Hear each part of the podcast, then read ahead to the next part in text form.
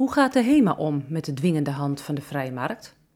Um, en als ik dus een doelstelling zet, dat we dus ook zien, oké, joh, op dit moment is dit product of deze grondstof nog zo duur. Maar we weten dat het over twee jaar, vanwege de marktwerking, dat het dan beter beschikbaar is qua duurzaamheid. Dus ja, laten we die doelstelling twee jaar opschrijven, want dit is hmm. gewoon niet haalbaar, Eve. Um, en dan denk ik, dan ben ik er ook echt voor dat we dat doen.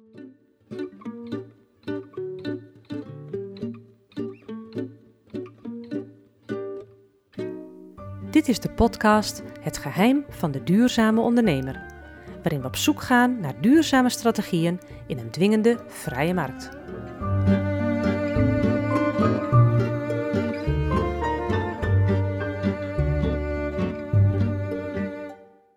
In deze podcast spreek ik met Eva Ronhaar, duurzaamheidsmanager bij de HEMA.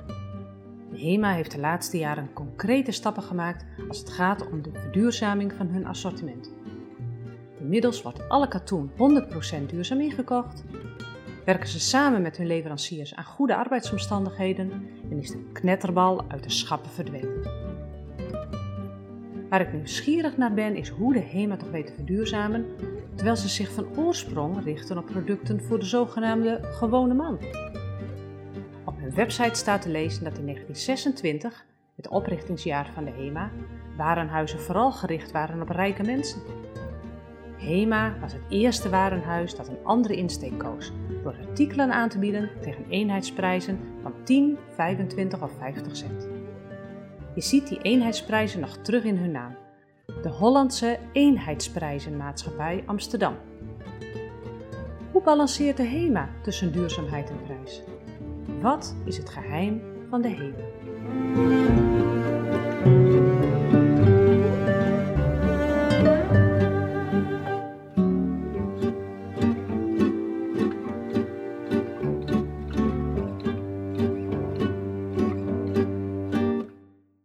Ja, mijn naam is dus Eva, Eva Ronhaar. Um, ik ben 36 jaar en ik werk nu bijna, bijna 7 jaar al voor HEMA, ruim 6,5 jaar. Uh, met heel veel liefde en plezier. Um, uh, ik heb altijd gewerkt daar op het stuk van duurzaamheid. Dat is wel echt de rode draad bij HEMA. Daar ben ik ook op binnengekomen. Maar met de jaren is mijn portfolio daar wel ook uitgebreid. Dus ik heb nu ook een stuk van uh, innovatie waar ik mee bezig ben. Een stuk diversiteit en inclusiviteit. HEMA Foundation. Dus eigenlijk alles wat je kan bedenken wat te maken heeft met het maken van uh, positieve impact als bedrijf. Mooi. Ja, en um, nou, het is een ontzettend leuke uh, rol om te hebben en om, uh, ja, om bij zo'n bedrijf als HEMA te mogen werken. En daarvoor heb ik eigenlijk um, voor verschillende bedrijven gewerkt, voor mezelf. Um, maar ook voor ja, verschillende stakeholders, dus bijvoorbeeld de Verenigde Naties en verschillende NGO's. En eigenlijk altijd in het buitenland gewoon gewerkt. Oké ik ben begonnen in humanitaire hulp. En uh, mensen die zeggen dan vaak wel van, joh, wat is dat een, uh, een, een, gekke overstap van humanitaire hulp en NGO's naar bedrijven en duurzaamheid. Um, en voor mij voelt hij eigenlijk, ik snap dat het een andere stakeholder is, maar voor mij voelt hij heel logisch, want het gaat allemaal om maken van positieve impact en het ja, zoveel mogelijk verminderen van negatieve impact. Je je positie waarvanuit je werkt is meestal uh, probleemgericht. Uh, ja, er, er, zijn issues die je op moet lossen. Dus eh, de kaders waarbinnen je werkt en de thema's waarmee je werkt, die zijn ja, le leken heel erg op elkaar. dus voor mij was het een hele mooie stap. Ja.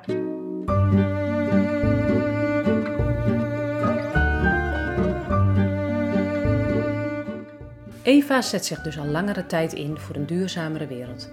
Ik ben benieuwd of ze in haar privéleven ook duurzame keuzes maakt.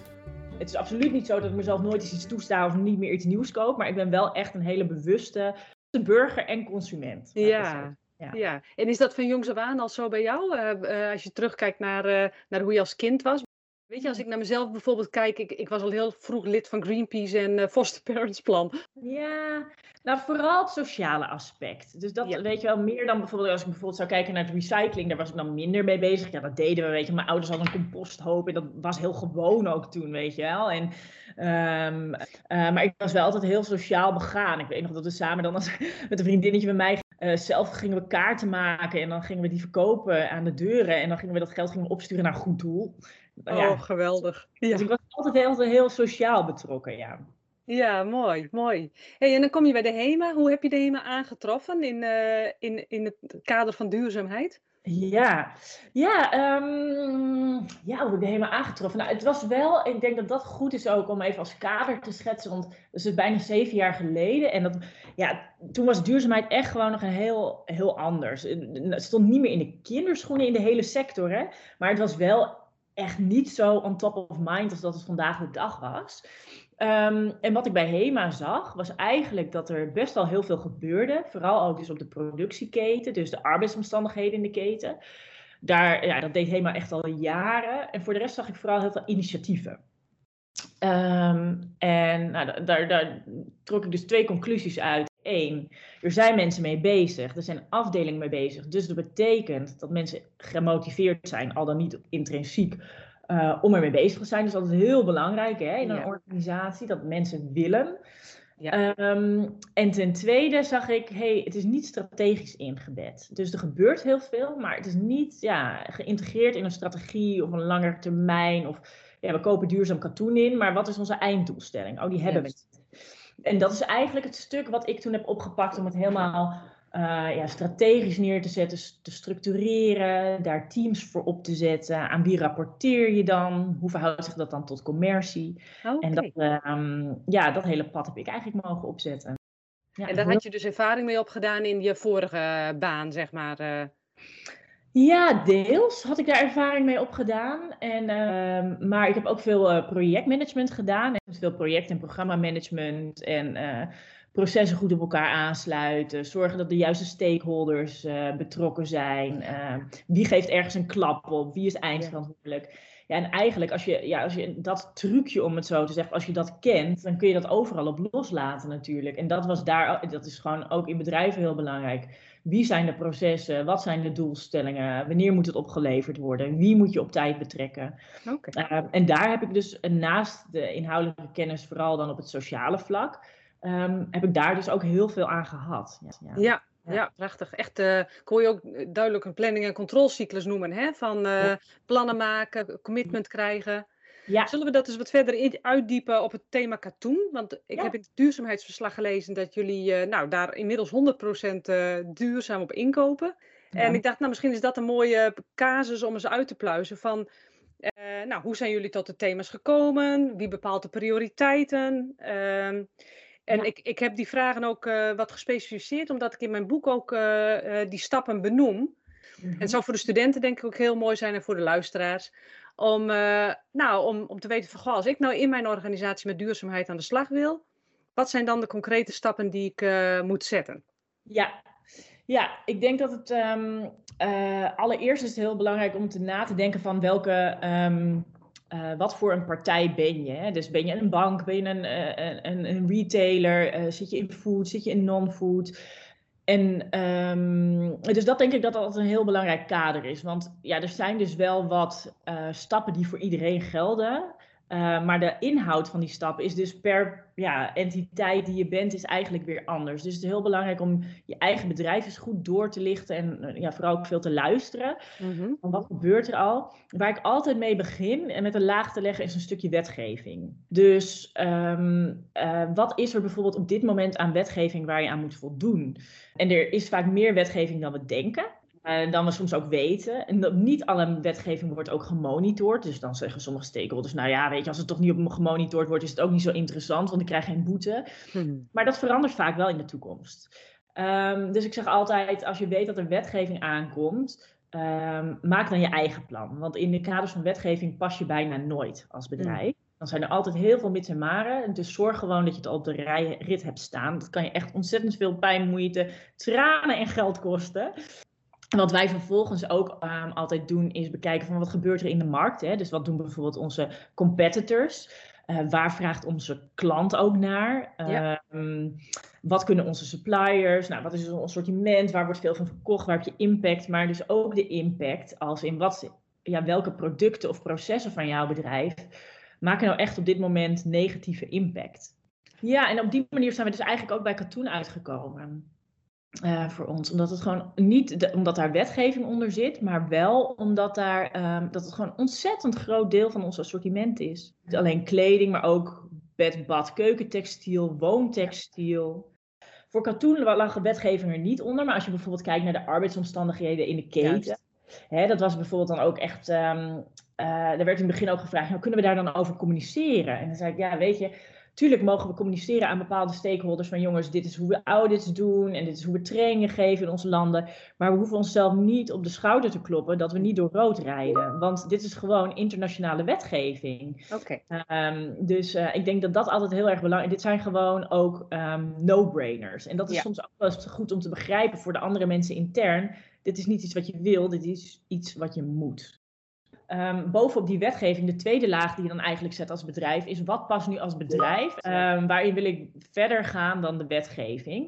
Um, en daar hebben wij dus heel erg gekozen om in te zetten op onze materialen. Nou, en dan moet je gaan kijken binnen die materialen, waar ga je dan als eerste op inzetten? Nou, en daar hebben wij dus gekozen voor katoen, omdat we weten dat het en een negatieve impact heeft op mens en milieu. -hmm. en omdat het gewoon een ontzettend groot onderdeel is van uh, ons assortiment. En dan uh, heb je daarvoor gekozen, dus je hebt het thema bepaald. En ja. uh, hoe kom je dan tot uh, bepaalde doelstellingen? En, en ook hoe, hoe meet je dat dan? nou, dat is echt best wel een proces. Want ik zeg altijd, kijk, een doelstelling om, om iets te roepen. Hè? Bijvoorbeeld, ik, ik weet nog trouwens dat mijn eerste meeting bij HEMA ging over duurzaam katoen. Dus ja, dus hoe zet je dat? Ik zeg altijd, een doelstelling zetten is niet zo moeilijk. Dus we kunnen vandaag roepen, in 2025 willen wij X, Y, Z.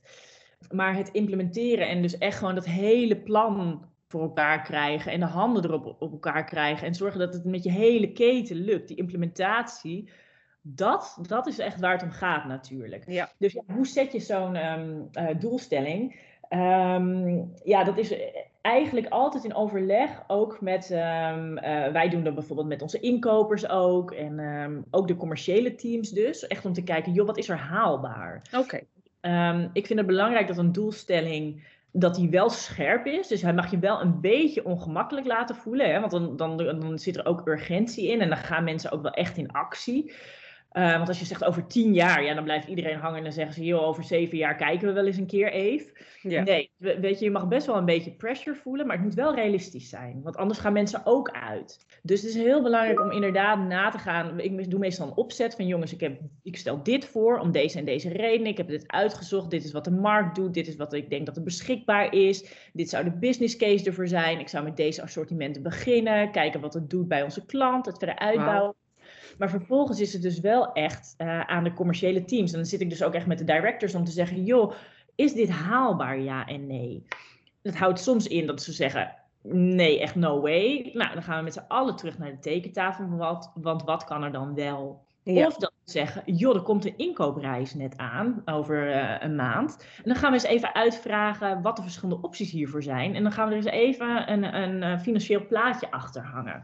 Nou, dan, dan, gaan ze dus inderdaad langs bij fabrieken. Ze gaan in gesprek met leveranciers. En dan kunnen ze ook opvragen inderdaad. Hey, wat zou gewoon katoen, om het even zo te noemen. We noemen dat dan conventioneel katoen. Wat zou dat doen? En wat doet het bijvoorbeeld als ik het inkoop organisch? Of wat doet het bijvoorbeeld als ik het inkoop via uh, dit of dat keurmerk? Eigenlijk bekijken van, joh, wat zijn nou de prijsverhoudingen voor bepaalde producten? En is dat dan ook haalbaar voor HEMA? Want dat is natuurlijk heel belangrijk. Ten eerste is de vraag, uh, is zo'n partij gecertificeerd of hebben zij toegang uh, tot andere materiaalsoorten? Dus tot de materiaalsoorten die wij dan willen, tot dat duurzamere katoen, om het zo Juist. te zeggen. Nou, als ze dat niet hebben, dan is de vraag: willen ze daar toegang toe nemen en de, de, de business met ons houden?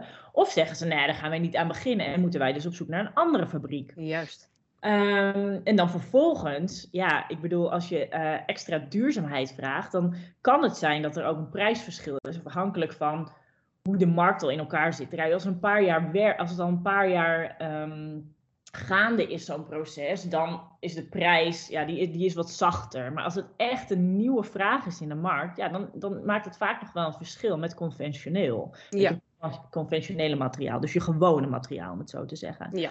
Dus um, ja, daar komt wel vaak een prijskaartje bij kijken. Dus het is wel, um, uh, ja, dus dat, dat wordt dan inderdaad uitgevraagd bij zo'n fabriek. Kunnen jullie dit? En zo ja, wat zou het ons dan kosten? Ja, precies. Ja. ja. En uh, dat is dan het thema uh, ecologisch katoen of niet? En qua arbeidsomstandigheden, heeft die inkoper daar ook een rol in om dat te monitoren? Hoe, hoe gaan jullie daarmee om? Ja, dat is een goede vraag. Nou, niet zozeer om het te monitoren, maar het is wel dat bij iedere uh, nieuwe relatie die we aangaan, dan teken je dus eigenlijk um, uh, ja, voor, bepaalde, een, voor een bepaalde soort samenwerking met ons. En dat betekent dus ook dat wij audits bij je komen doen in je fabriek. En dat betekent dus dat er een, um, iemand die daar echt in, in, in, gespecialiseerd is, die gaat een soort van inspectie doen op de arbeidsomstandigheden in jouw fabriek. Mm -hmm. um, en daar kan dus uitkomen, uh, daar kunnen eigenlijk drie uitkomsten uitkomen. Dat kan uitkomen, nou, je doet het helemaal goed, uh, fantastisch, let's go. Er kan uitkomen, er zitten nog veranderingen in, maar die zijn niet structureel. Dus die kan je oplossen. Dus die, we gaan samenwerken en jij gaat die, dingen, die, die problemen oplossen. En het moet mm -hmm. opgelost zijn voordat we de volgende order bij jou plaatsen. Oké. Okay. Komt uit, na hier zien wij echt geen potentie. En jij weet je, dit is te structureel of, of uh, het is niet structureel, maar de leverancier zegt, joh, dit is wat het is en uh, anders niet. Nou, dan zeggen wij, nou ja, dan kunnen wij helaas niet samenwerken, want we verwachten wel een bepaald niveau of dat je daar in ieder geval naartoe wilt werken terwijl we samenwerken. Um, en vervolgens is het wel, dus dat is wel echt aan de begin, aan, aan de voorkant. Ja, en aan de achterkant werkt ons team dan ook heel erg samen van, om dat te monitoren. En blijven die arbeidsomstandigheden dan goed? Hè? En verbeteren ja. die dan ook met de jaren? Ja. Eén keer kijkje nemen is uh, helaas niet genoeg.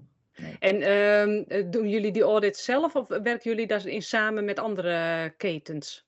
Nou, we doen ze, uh, we hebben eigenlijk een, een, soort van um, ontwikkelsysteem, noemen wij dat, een development approach, waarbij we uh, onze eigen soort audits, uh, daar beginnen we. En dat is echt een soort van instapniveau.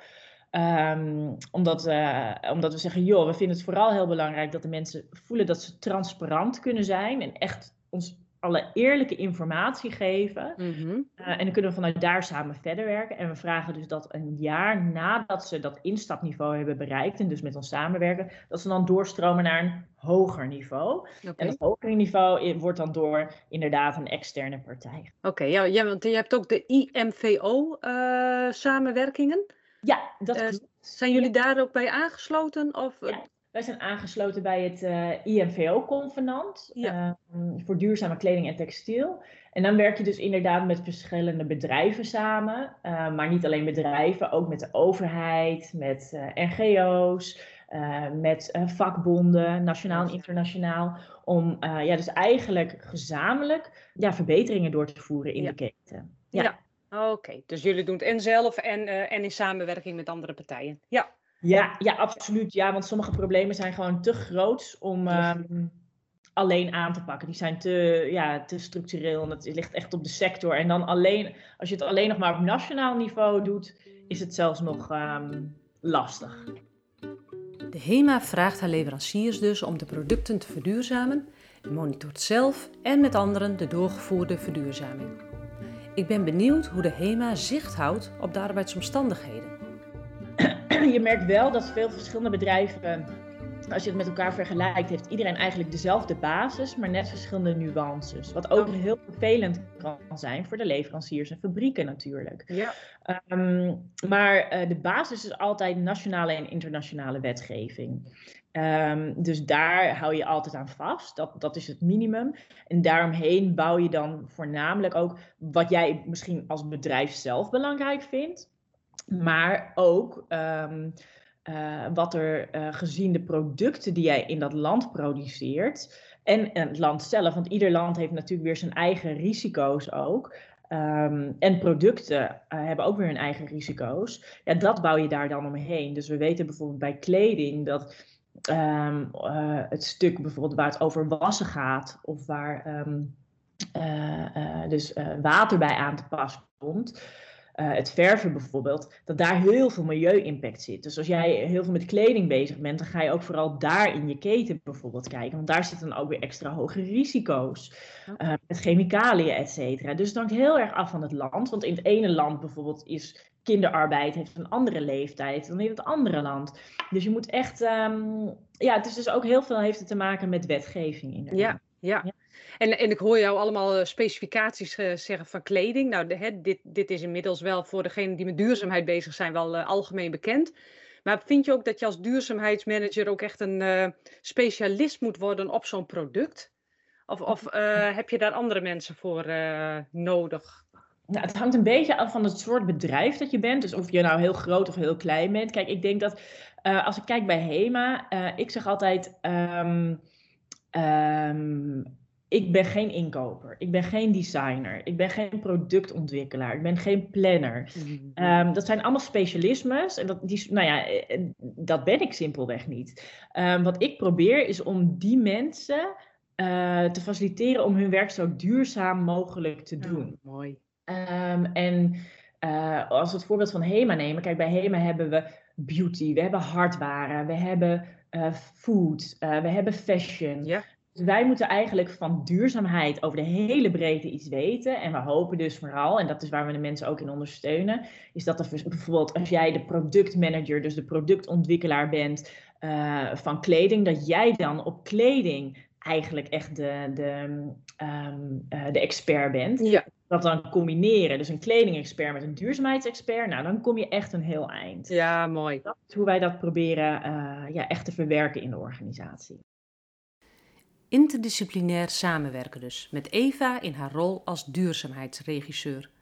Zij zwengelt aan en verbindt medewerkers binnen de HEMA die uit eigen initiatief duurzame stappen willen maken.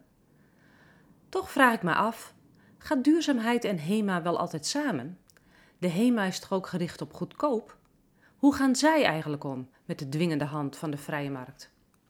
Het moet wel binnen onze HEMA-prijs passen. Um, dat kan dus betekenen, dus, en daarom is het ook zo belangrijk dat je gezamenlijk bekijkt wat is er nu mogelijk in de markt.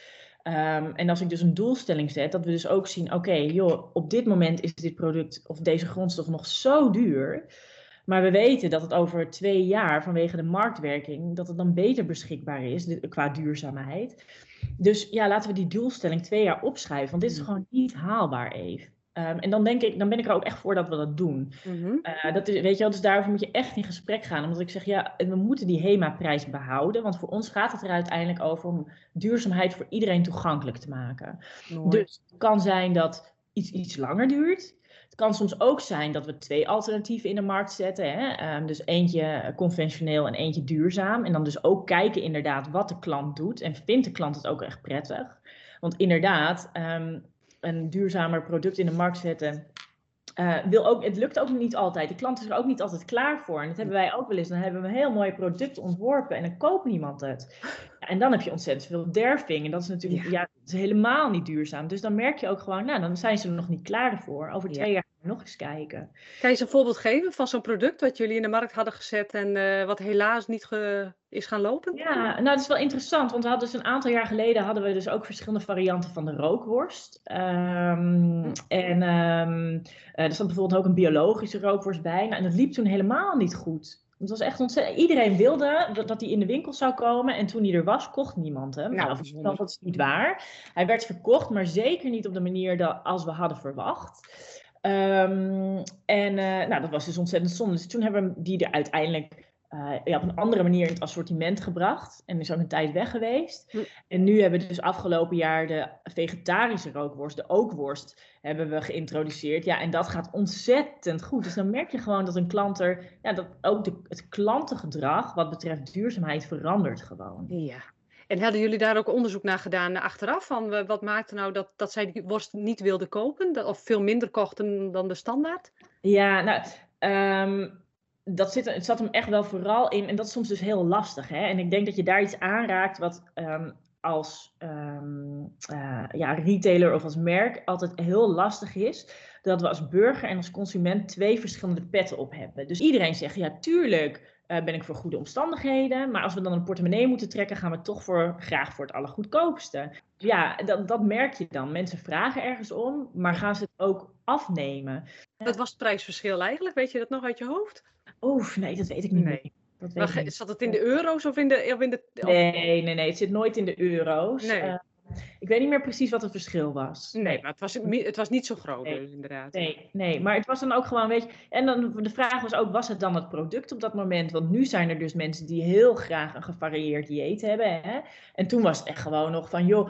Um, ja, maar als je een rookworst gaat eten ja, dat is ook niet per se. Het is net als als ik mezelf dan een keertje dat gebakje toesta, dan wil ik ook dat het volop met slagroom en alles is. Dus een beetje dat gevoel, weet je. Dus als ik mezelf dan trakteer op zo'n halve worst, dat het echt een goede, weet je, dan wil ik niet per se voor een biologische worst gaan. Dan is het ook echt gewoon een, uh, echt gewoon een goede rookworst zijn. Dus dat, dat, past, het gevoel en de emotie past er niet helemaal bij. Bij het moment ook. Uh...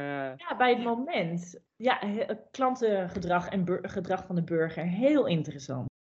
Hey, en wat is nou een uh, duurzaamheidsroute waar je echt trots op bent? We hebben het natuurlijk even over katoen gehad. Ik kan me voorstellen dat je daar trots op bent. Maar als je nu eens kijkt naar je geschiedenis, wat... Uh... Um, ja, nou, katoen is er zeker één waar ik trots op ben, omdat we dat wel ook echt um, uh, behaald hebben. Laat maar zeggen, als een van de eerste in de markt. Maar ook voordat onze doelstelling, voor onze doelstelling, onze doelstelling was 2020, 100%. En dat hebben we in 2019 behaald. Dus daar ben ik heel trots op dat dat helemaal gelukt is. Een ander, wat ik een mooi voorbeeld vind, is. Um, dat is echt een hele andere tak van sporten. Maar het is bijvoorbeeld wat we hebben gedaan. Uh, met de knetterbal. Nou, en toen ik, ik, wist eerst niet wat een knetterbal was. Dus ik kan me voorstellen dat het voor jullie ook niet, um, voor jou ook niet meteen duidelijk is. Maar het is een stuk vuurwerk. Uh, en dat is eigenlijk een rond balletje. En als je het op de grond gooit, dan gaat het in heel veel stukjes uiteen. En toen werden wij daar dus door uh, consumenten en door um, ja, partijen op gewezen van... joh, jullie hebben dat in jouw schap liggen. Mm -hmm. als, maar jullie hebben ook een route op... Um, op plastic en dat jullie willen verminderen van plastic. En dit is plastic wat meteen in de natuur terechtkomt. Dat rijmt niet met elkaar. Dus dan krijg je zo'n mailtje of, een, of via social gaat het dan heel vaak. Hè, en dan denk je, ja, dat is wel een punt. Maar ja, nu in de winkels. Dus één ding is van ga je iets niet inkopen. Maar een ander ding is, ga, ja, dit, dit, dit ligt al in de winkels. Dus dat hebben we toen besproken. En toen heeft dus onze CEO destijds, laat maar zeggen, heeft toen echt besloten dit halen we per direct uit de winkel. En dat was een hele mooie stap. En daarna, ja, weet je, als dan eentje gaat, dan moet ook de rest volgen, weet je wel. Dus dat is dan ook super mooi, hè. Um, dus dat is iets waarvan ik echt wel denk, jeetje, ja, dat is echt wel gaaf dat je zo'n stap nou. durft te nemen met alle ellende die er daarna nog komt. Want om, je mag dat niet zomaar vervoeren. Dus hoe krijg je dat in hemelsnaam die winkels weer uit? Want het zijn allemaal speciale bussen. Dus nou, dat, dat gaat echt een zak geld. Um, ten nou. eerste verlies wat je leidt om niet te verkopen. En vervolgens om dat weer uit je winkels te krijgen. Uh, maar het is ook heel belangrijk om te laten zien. Het is heel belangrijk wat je in eerste instantie in je winkels legt. En om daar heel goed over na te denken. En hoe kritisch dus die consument is vandaag de dag. Dus laten we er zelf goed over nadenken. Nou, en een andere, en ik denk dat dat echt heel gaaf is, is dat, um, nou ja, dat zie je in de markt, maar dat zie je dus ook bij collega's. En weet je, dat iedereen, iedereen vandaag de dag is veel meer met duurzaamheid bezig natuurlijk. Dat waar het nou ja, zo'n zes jaar, zeven jaar geleden echt nog wel was van jongens, we moeten dit doen en dit is belangrijk en kijk, dit, als we het niet doen dan. En nu uh, ja, stroomt de mailbox over, joh. En uh, zitten de agenda's helemaal vol. Omdat, iemand, omdat mensen zeggen, joh, we hebben een idee. We gaan dit verduurzamen. We gaan daarmee aan de slag. Oh, wat goed. Vertellen of dit goed genoeg is. En uh, kun je hier je akkoord op geven. En hey, ik wil hierover... Nou, dat ik echt denk van, jee, wat gaan we snel. En um, wow. mensen dus echt proactief ermee bezig zijn ja, dat het nu zo verweven is in de organisatie. Niet zonder slag of stoot natuurlijk, want natuurlijk ben je een bedrijf. Dus ik zeg echt niet dat het een makkelijke journey is. Maar dat iedereen er zo mee bezig is, ja, daar ben ik echt heel trots op. Nou. Het gaat dus echt om met z'n allen duurzaam willen zijn. En op basis daarvan circulaire en sociale keuzes maken en doorvoeren. Ook als dat soms ten koste gaat van de winst. Hoe zijn die neuzen zo de duurzame kant opgegaan? Wat is het geheim van de HEMA? Wat is ons geheim? Ik denk um, om duurzaamheid te laten slagen, dat het heel belangrijk is om het uh, uh, goed naar de randvoorwaarden te kijken. Um, dus net wat ik zei, kijk, um, een, een, een doelstelling zetten als bedrijf is niet zo moeilijk. Dat kan. Um, dus een stip op de horizon zitten is niet zo moeilijk. Maar waar je eigenlijk als bedrijf een akkoord op geeft, is dat mensen daar tijd aan besteden. Dat het meegenomen wordt in de afwegingen van je strategie. Uh, dat er geld naartoe gaat, dat er aandacht naartoe gaat. Dat is waar je eigenlijk akkoord op geeft. Dus niet op 100% X in 2025. Nee, je zegt, oh, daar gaan dus zoveel mensen aan werken. Eh, weet je, mijn leveranciers moeten daarmee aan de slag. En daarom, omdat het dus echt gewoon in de, de commercie van je organisatie zit, is het heel belangrijk dat het in de strategie zit. Ja. Ehm, dus ik denk dat dat eh, heel belangrijk is. Ehm, dus dat het onderdeel is van wie je bent en wat je doet. Ehm, dat het echt een argument is om dingen wel of niet te doen. Dus dat denk ik dat een hele belangrijke is. En wat bij duurzaamheid ook heel belangrijk is, is om altijd uh, zo transparant en open mogelijk te zijn naar je verschillende stakeholders, maar ook naar je klant.